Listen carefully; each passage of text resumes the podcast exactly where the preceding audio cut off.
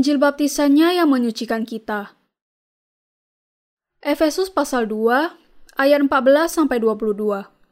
Karena dialah damai sejahtera kita yang telah mempersatukan kedua pihak dan yang telah merubuhkan tembok pemisah yaitu perseteruan sebab dengan matinya sebagai manusia ia telah membatalkan hukum Taurat dengan segala perintah dan ketentuannya untuk menciptakan keduanya menjadi satu manusia baru di dalam dirinya dan dengan itu mengadakan damai sejahtera dan untuk memperdamaikan keduanya di dalam satu tubuh dengan Allah oleh salib, dengan melenyapkan perseteruan pada salib itu.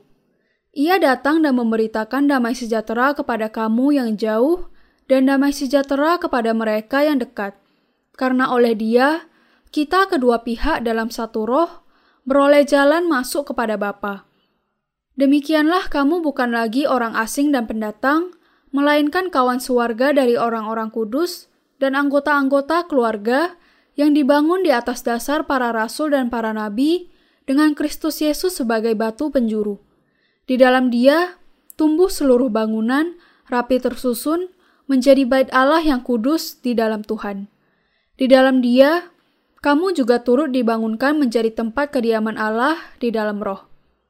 Apa yang memisahkan manusia dari Allah? Dosa-dosanya anak yang diadopsi karena kemiskinan. Sudah setengah abad berlalu sejak berakhirnya Perang Korea. Tetapi perang itu meninggalkan luka yang sangat menyakitkan bagi bangsa Korea. Pada saat berakhirnya perang itu, banyak anak-anak yang diadopsi di luar negeri. Pasukan PBB datang ke Korea dan membantu bangsa itu secara luar biasa. Tetapi banyak anak-anak yang hidup tanpa ayah setelah pasukan itu pergi. Banyak dari tentara pasukan PBB yang memiliki istri dan anak-anak di sana meninggalkan keluarga mereka itu saat mereka kembali ke negara masing-masing. Banyak dari anak-anak itu kemudian terlantar dan dikirim oleh ibu mereka ke panti asuhan atau dibiarkan untuk diadopsi di negara yang jauh. Kalau ada anak yang diadopsi, ia termasuk sangat beruntung karena dengan demikian ia memiliki orang tua angkat dan akan diurus dengan baik. Anak-anak angkat itu menyadari bahwa mereka memang berbeda dengan orang tua mereka dan juga tetangga-tetangga mereka, dan setelah besar, mereka tahu bahwa mereka diambil sebagai anak dari sebuah negara yang sangat jauh yang bernama Korea. Mengapa orang tua saya membuang saya? Apakah mereka mengirim saya ke negara ini karena mereka membenci saya? Dengan pikiran mereka yang sederhana, mereka tidak tahu apa yang terjadi kepada mereka. Keingintahuan dan kebencian kepada orang tua kandung mereka bertumbuh seiring dengan keinginan untuk bertemu mereka. Bagaimana sebenarnya orang tua saya? Mengapa mereka membuang saya? Apakah itu karena mereka membenci saya? Tidak, pasti ada alasan untuk itu. Mungkin mereka memiliki banyak kesalahpahaman dan bahkan sampai kepada kebencian yang mendalam. Dan kadangkala mereka akan seperti tidak mau lagi berpikir tentang hal itu. Sebelum mereka sadari, masa kecil mereka berlalu dan mereka menjadi orang yang dewasa. Mereka menikah, memiliki anak dan membentuk keluarga mereka sendiri.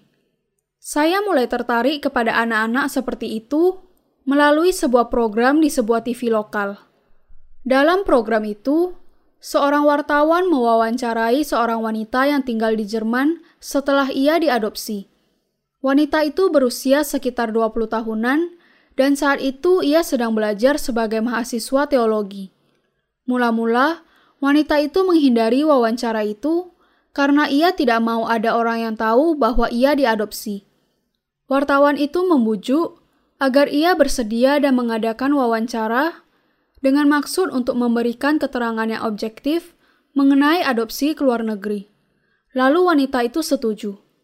Salah satu pertanyaan dari wartawan itu adalah, apa yang akan Anda lakukan kalau Anda bertemu dengan orang tua kandung Anda? Apa yang paling ingin Anda ketahui?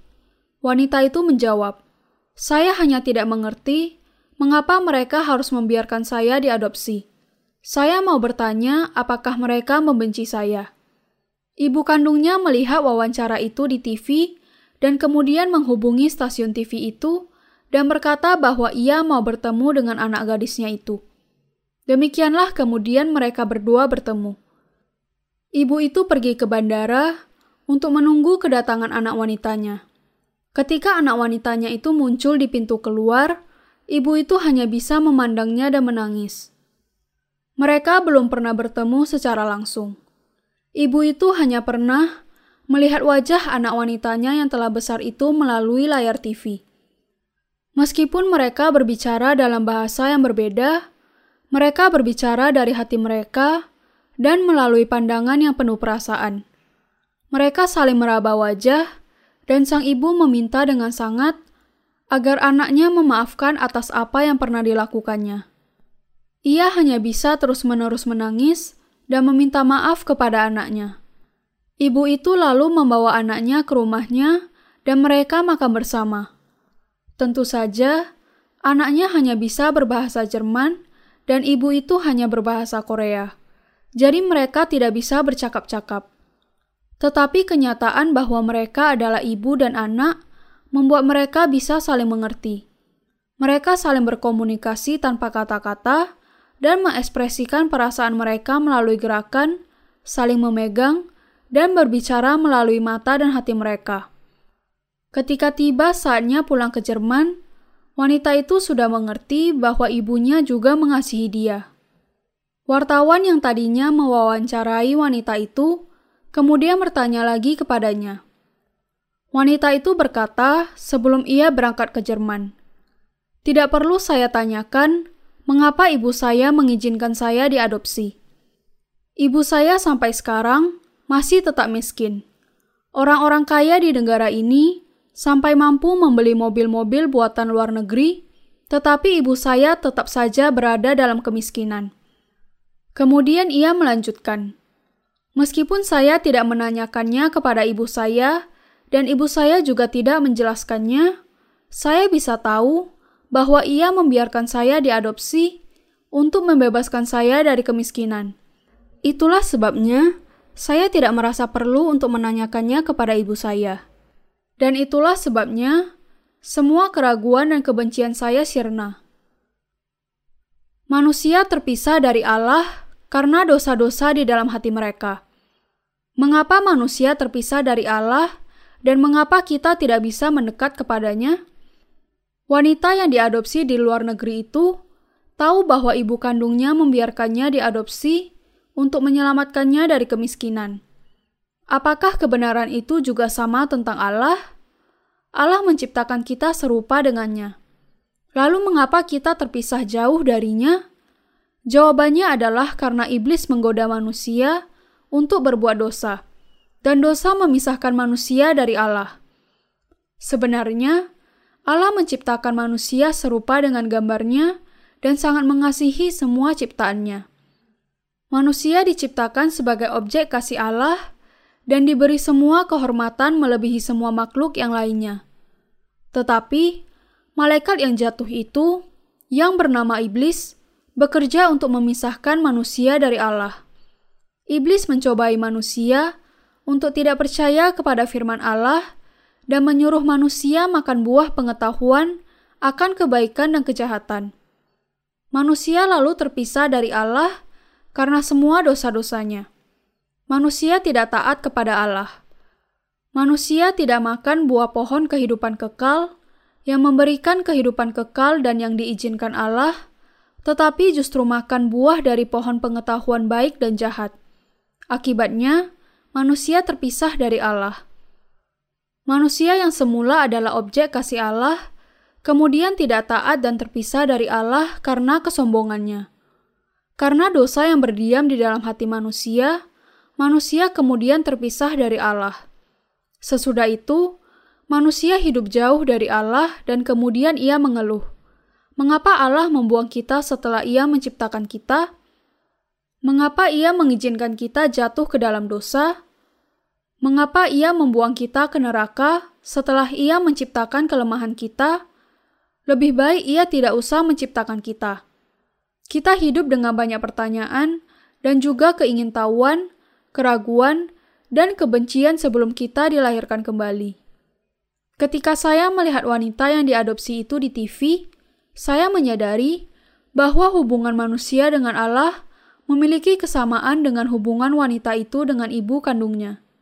Tidak ada penderitaan, kesalahpahaman, kutukan atau dosa apa pun yang bisa memisahkan manusia dari Allah. Juga saya melihat bahwa meskipun hubungan antara Allah dengan manusia didasarkan kepada kasih, tetapi masih ada saja kemungkinan terjadinya kesalahpahaman. Sama seperti ibu itu yang membiarkan anaknya diadopsi bukan karena kebencian pribadinya. Allah juga menjauh dari manusia bukan karena kebenciannya kepada manusia, tetapi karena dosa. Tidak ada alasan sama sekali bagi Allah untuk membenci manusia, dan tidak ada alasan untuk manusia membenci Allah. Manusia dan Allah saling mengasihi. Alasan satu-satunya mengapa manusia tetap terpisah dari Allah adalah karena manusia telah menjadi berdosa setelah jatuh ke dalam tipu daya iblis.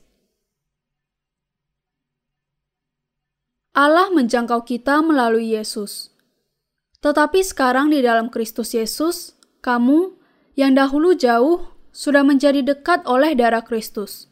Karena dialah damai sejahtera kita yang telah mempersatukan kedua pihak dan yang telah merubuhkan tembok pemisah, yaitu perseturuan, sebab dengan matinya sebagai manusia, ia telah membatalkan hukum Taurat dengan segala perintah dan ketentuannya untuk menciptakan keduanya menjadi satu manusia baru di dalam dirinya, dan dengan itu mengadakan damai sejahtera.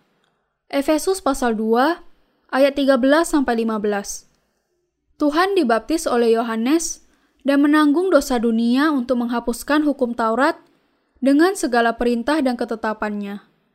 Lalu ia mencurahkan darahnya di kayu salib untuk menyelamatkan manusia dari dosanya dan memungkinkannya mendekati Allah. Allah sudah mendekati mereka yang sekarang sudah disucikan olehnya. Pernahkah Anda membayangkan kalau dunia ini tidak ada air? Beberapa waktu yang lalu, saya menghadiri sebuah pertemuan untuk membahas tentang Alkitab di kota Incheon, salah satu kota pelabuhan terbesar di Korea. Pada waktu air keran di sana tidak mengalir selama beberapa hari, dan saat itulah saya berpikir, orang tidak mungkin hidup tanpa air. Kalau Allah mau menciptakan dunia ini, tidak ada airnya selama sebulan, sangat tidak mungkin untuk hidup di suatu kota yang akan menjadi sangat bau, kotor, dan orang akan mengalami penderitaan karena kehausan. Kita harus mengerti betapa berharganya air yang diberikan Allah kepada kita. Sama seperti air sangat berguna bagi manusia, baptisan yang diterima Yesus dari Yohanes di Sungai Yordan juga sangat mutlak pentingnya. Kalau Yesus tidak datang ke dunia ini untuk dibaptiskan oleh Yohanes, lalu bagaimana orang-orang yang percaya kepada Yesus menerima pengampunan dosa? Sama seperti manusia, tidak akan bisa hidup tanpa air. Semua manusia di dunia ini akan mati karena dosa mereka kalau Yohanes tidak membaptiskan Yesus. Namun, karena Yesus menanggung dosa kita, sekarang kita bisa memiliki keyakinan dan tahu bahwa hati kita telah dibasuh dan kita telah diberkati dengan keselamatan. Baptisan Yesus adalah sesuatu yang sangat penting bagi iman kita. Lebih lagi, Baptisannya mutlak perlu bagi kita agar kita menerima berdiamnya Roh Kudus. Petrus, salah satu murid Yesus berkata, "Juga kamu sekarang diselamatkan oleh kiasannya yaitu baptisan, maksudnya bukan untuk membersihkan kenajisan jasmani, melainkan untuk memohonkan hati nurani yang baik kepada Allah oleh kebangkitan Yesus Kristus." 1 Petrus pasal 3 ayat 21. Pernyataan Petrus mengatakan bahwa Yesus dibaptiskan oleh Yohanes Pembaptis dan mencurahkan darahnya untuk menyelamatkan kita dari dosa-dosa kita. Baptisan Yesus yang menghapus dosa dunia adalah Injil yang benar. Sekarang, mari kita melihat ke sebuah bagian Alkitab mengenai bejana tembaga dalam Keluaran pasal 30 ayat 17 sampai 21. Berfirmanlah Tuhan kepada Musa, haruslah engkau membuat bejana dan juga alasnya dari tembaga untuk pembasuhan Dan kau tempatkanlah itu di antara kemah pertemuan dan mesbah, dan kau taruhlah air ke dalamnya. Maka Harun dan anak-anaknya haruslah membasuh tangan dan kaki mereka dengan air dari dalamnya. Apabila mereka masuk ke dalam kemah pertemuan, haruslah mereka membasuh tangan dan kaki dengan air supaya mereka jangan mati. Demikian juga, apabila mereka datang ke mesbah itu untuk menyelenggarakan kebaktian dan untuk membakar korban api-apian bagi Tuhan, haruslah mereka membasuh tangan dan kaki mereka supaya mereka jangan mati. Itulah yang harus menjadi ketetapan bagi mereka untuk selama-lamanya bagi dia dan bagi keturunannya turun-temurun. Di dalam kemah suci, ada sebuah bejana tembaga yang diletakkan di antara tempat pertemuan dengan mesbah yang berisi air untuk pembasuhan.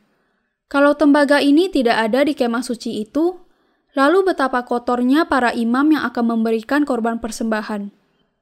Berapa banyak darah dan lumpur yang akan mengotori imam-imam yang mempersembahkan begitu banyak korban harian bagi bangsa itu dan melakukan penumpangan ke atas binatang korban dan menyembelihnya, kalau tidak ada bejana pembasuhan di kemah suci, maka para imam akan sangat kotor.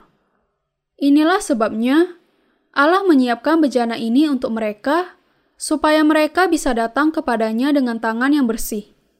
Orang-orang berdosa menyerahkan dosa-dosa mereka dengan penumpangan tangan mereka ke atas binatang korban penghapus dosa, dan kemudian imam-imam menguduskan mereka atas nama Allah. Allah mempersiapkan bejana itu supaya para imam bisa masuk ke tempat kudus, sehingga mereka bisa membasuh dirinya dengan air, dan kalau mereka tidak melakukannya, mereka akan mati. Bahkan, seorang imam sekalipun tidak diperkenankan masuk ke tempat kudus kalau mereka masih kotor dengan darah korban. Itulah sebabnya mengapa imam-imam membasuh segala lumpur dengan air di bejana itu untuk bisa datang kepada Allah setelah mengorbankan korban dari bangsa Israel. Baptisan Yesus membasuh segala dosa dunia. Melalui baptisan Yesus oleh Yohanes di Sungai Yordan, segala dosa dunia ditanggungkan kepadanya. Dan dimasukkannya seluruh tubuhnya ke dalam air, melambangkan kematiannya, lalu keluarnya ia dari air, melambangkan kebangkitannya. Dengan kata lain, Yesus dibaptis oleh Yohanes untuk menanggung dosa dunia, membayar hutang dosa, dan mati di kayu salib. Kematiannya adalah untuk membayar hutang dosa kita, dan kebangkitannya adalah untuk memberikan kehidupan kekal kepada kita. Kalau kita tidak percaya bahwa Yesus menanggung dosa kita melalui baptisannya, hati kita akan dipenuhi dengan dosa. Dengan demikian, bagaimana mungkin kita bisa mendekat kepada Allah Injil pengampunan dosa bukanlah doktrin dari suatu gereja, tetapi kebenaran yang dari Allah. Kita tidak bisa mendapatkan iman yang sempurna tanpa memiliki pengetahuan, atau dengan kata lain, kita tidak bisa mengalahkan dunia kalau kita tidak sungguh-sungguh peduli mengenai baptisan Yesus oleh Yohanes. Sama seperti semua makhluk hidup membutuhkan air untuk bisa tetap hidup, kita membutuhkan pengampunan dosa dan air dari baptisan Yesus untuk bisa hidup dengan iman dan masuk ke dalam kerajaan surga. Yesus harus dibaptis, mati di kayu salib, dan bangkit untuk menyelamatkan kita dari dosa kita. Inilah Injil air dan roh yang harus kita percayai dengan segenap hati kita. Meskipun Yesus disalibkan sampai mati di kayu salib, sebenarnya ia tidak layak menanggung hukuman itu. Ia datang ke dunia ini untuk membasuh segala dosa kita, dibaptiskan pada usia 30 tahun, dan menjadi juru selamat melalui kematiannya di kayu salib pada usia 33 tahun. Allah mau menjadikan manusia sebagai anak-anaknya, betapapun lemah dan berdosanya kita. Itulah sebabnya Yesus dibaptis. Allah memberikan kepada kita pengampunan dosa dan karunia Roh Kudus pada saat yang sama. Aku berkata kepadamu, sesungguhnya jika seseorang tidak dilahirkan kembali, ia tidak dapat melihat kerajaan Allah. Yohanes pasal 3 ayat 3 sampai 5. Anda harus tahu dan percaya bahwa Yesus dibaptiskan untuk membasuh segala dosa kita. Meskipun seseorang sudah dilahirkan kembali, orang Kristen yang lahir baru, kalau ia tidak senantiasa merenungkan kebenaran bahwa Yesus Kristus menanggung dosa dunia melalui baptisannya, hatinya dengan segera akan cemar lagi. Karena kita makhluk yang memiliki keinginan jasmani, maka kita tetap memiliki kemungkinan dicemarkan oleh dosa di dalam kehidupan kita sehari-hari. Itulah sebabnya kita harus senantiasa hidup dengan iman, merenungkan tentang baptisan Yesus, darahnya, dan kebangkitannya. Iman seperti inilah yang akan menjaga kita sampai tiba harinya kita masuk ke dalam kerajaan surga. Yesus tidak memiliki pilihan lain selain dibaptis dan mati bagi dosa-dosa kita. Sehingga kita harus percaya bahwa dengan melakukan hal itu, ia memberikan keselamatan kepada kita. Tidak ada hal lain yang harus kita lakukan selain percaya kepada Injil yang indah itu untuk bisa dibebaskan dari segala dosa dunia. Kita bersyukur sekali kepada Tuhan yang memberikan kepada kita Injil air dan roh. Anugerah yang terbesar yang diberikan Allah kepada kita adalah bahwa ia mengaruniakan anaknya yang tunggal untuk menyelamatkan kita dari segala dosa kita melalui baptisan dan darahnya. Alasan mengapa kita tidak bisa mendekat kepada Allah dan terpaksa hidup jauh dari Allah adalah karena kita memiliki dosa di dalam hati kita. Yesus dibaptiskan oleh Yohanes untuk menanggung segala dosa-dosa dunia dan mati di kayu salib untuk menghancurkan tembok yang memisahkan antara Allah dengan manusia. Hubungan Allah dengan manusia dipulihkan dengan baptisan dan darahnya. Kita harus bersyukur kepadanya atas anugerah ini. Kasih orang tua di dunia ini kepada anak-anaknya memang besar, tetapi sama sekali tidak bisa dibandingkan dengan kasih Allah, yaitu yang dinyatakan dengan keselamatan yang diberikan kepada kita orang berdosa melalui Yesus Kristus. Baptisan Yesus dan darahnya, keduanya sangat penting. Kalau tidak ada air di dunia ini, bagaimana makhluk hidup bisa bertahan? Tanpa baptisan Yesus, tidak ada seorang pun yang tidak berdosa. Kalau Yesus tidak dibaptiskan dan tidak mati di kayu salib, tidak ada seorang pun yang akan menerima pengampunan dosa. Untungnya, Yesus dibaptis dan menjadi korban yang sempurna bagi kita. Meskipun kita lemah dan tidak berdaya, kita bisa menerima Roh Kudus dengan percaya kepada baptisan Yesus dan darahnya di kayu salib. Orang-orang yang percaya kepada baptisan Yesus Kristus dan darahnya di kayu salib bisa mendekat kepada Allah, berdoa dan memuji Dia. Kita sekarang bisa memuji Allah dan menyembahnya karena kita telah menjadi anak-anak Allah. Inilah anugerah dan berkat Allah. Injil baptisan Yesus dan darahnya di kayu salib sungguh-sungguh ajaib kita semua bisa menerima keselamatan dan berdiamnya Roh Kudus dengan percaya kepada Injil yang indah itu.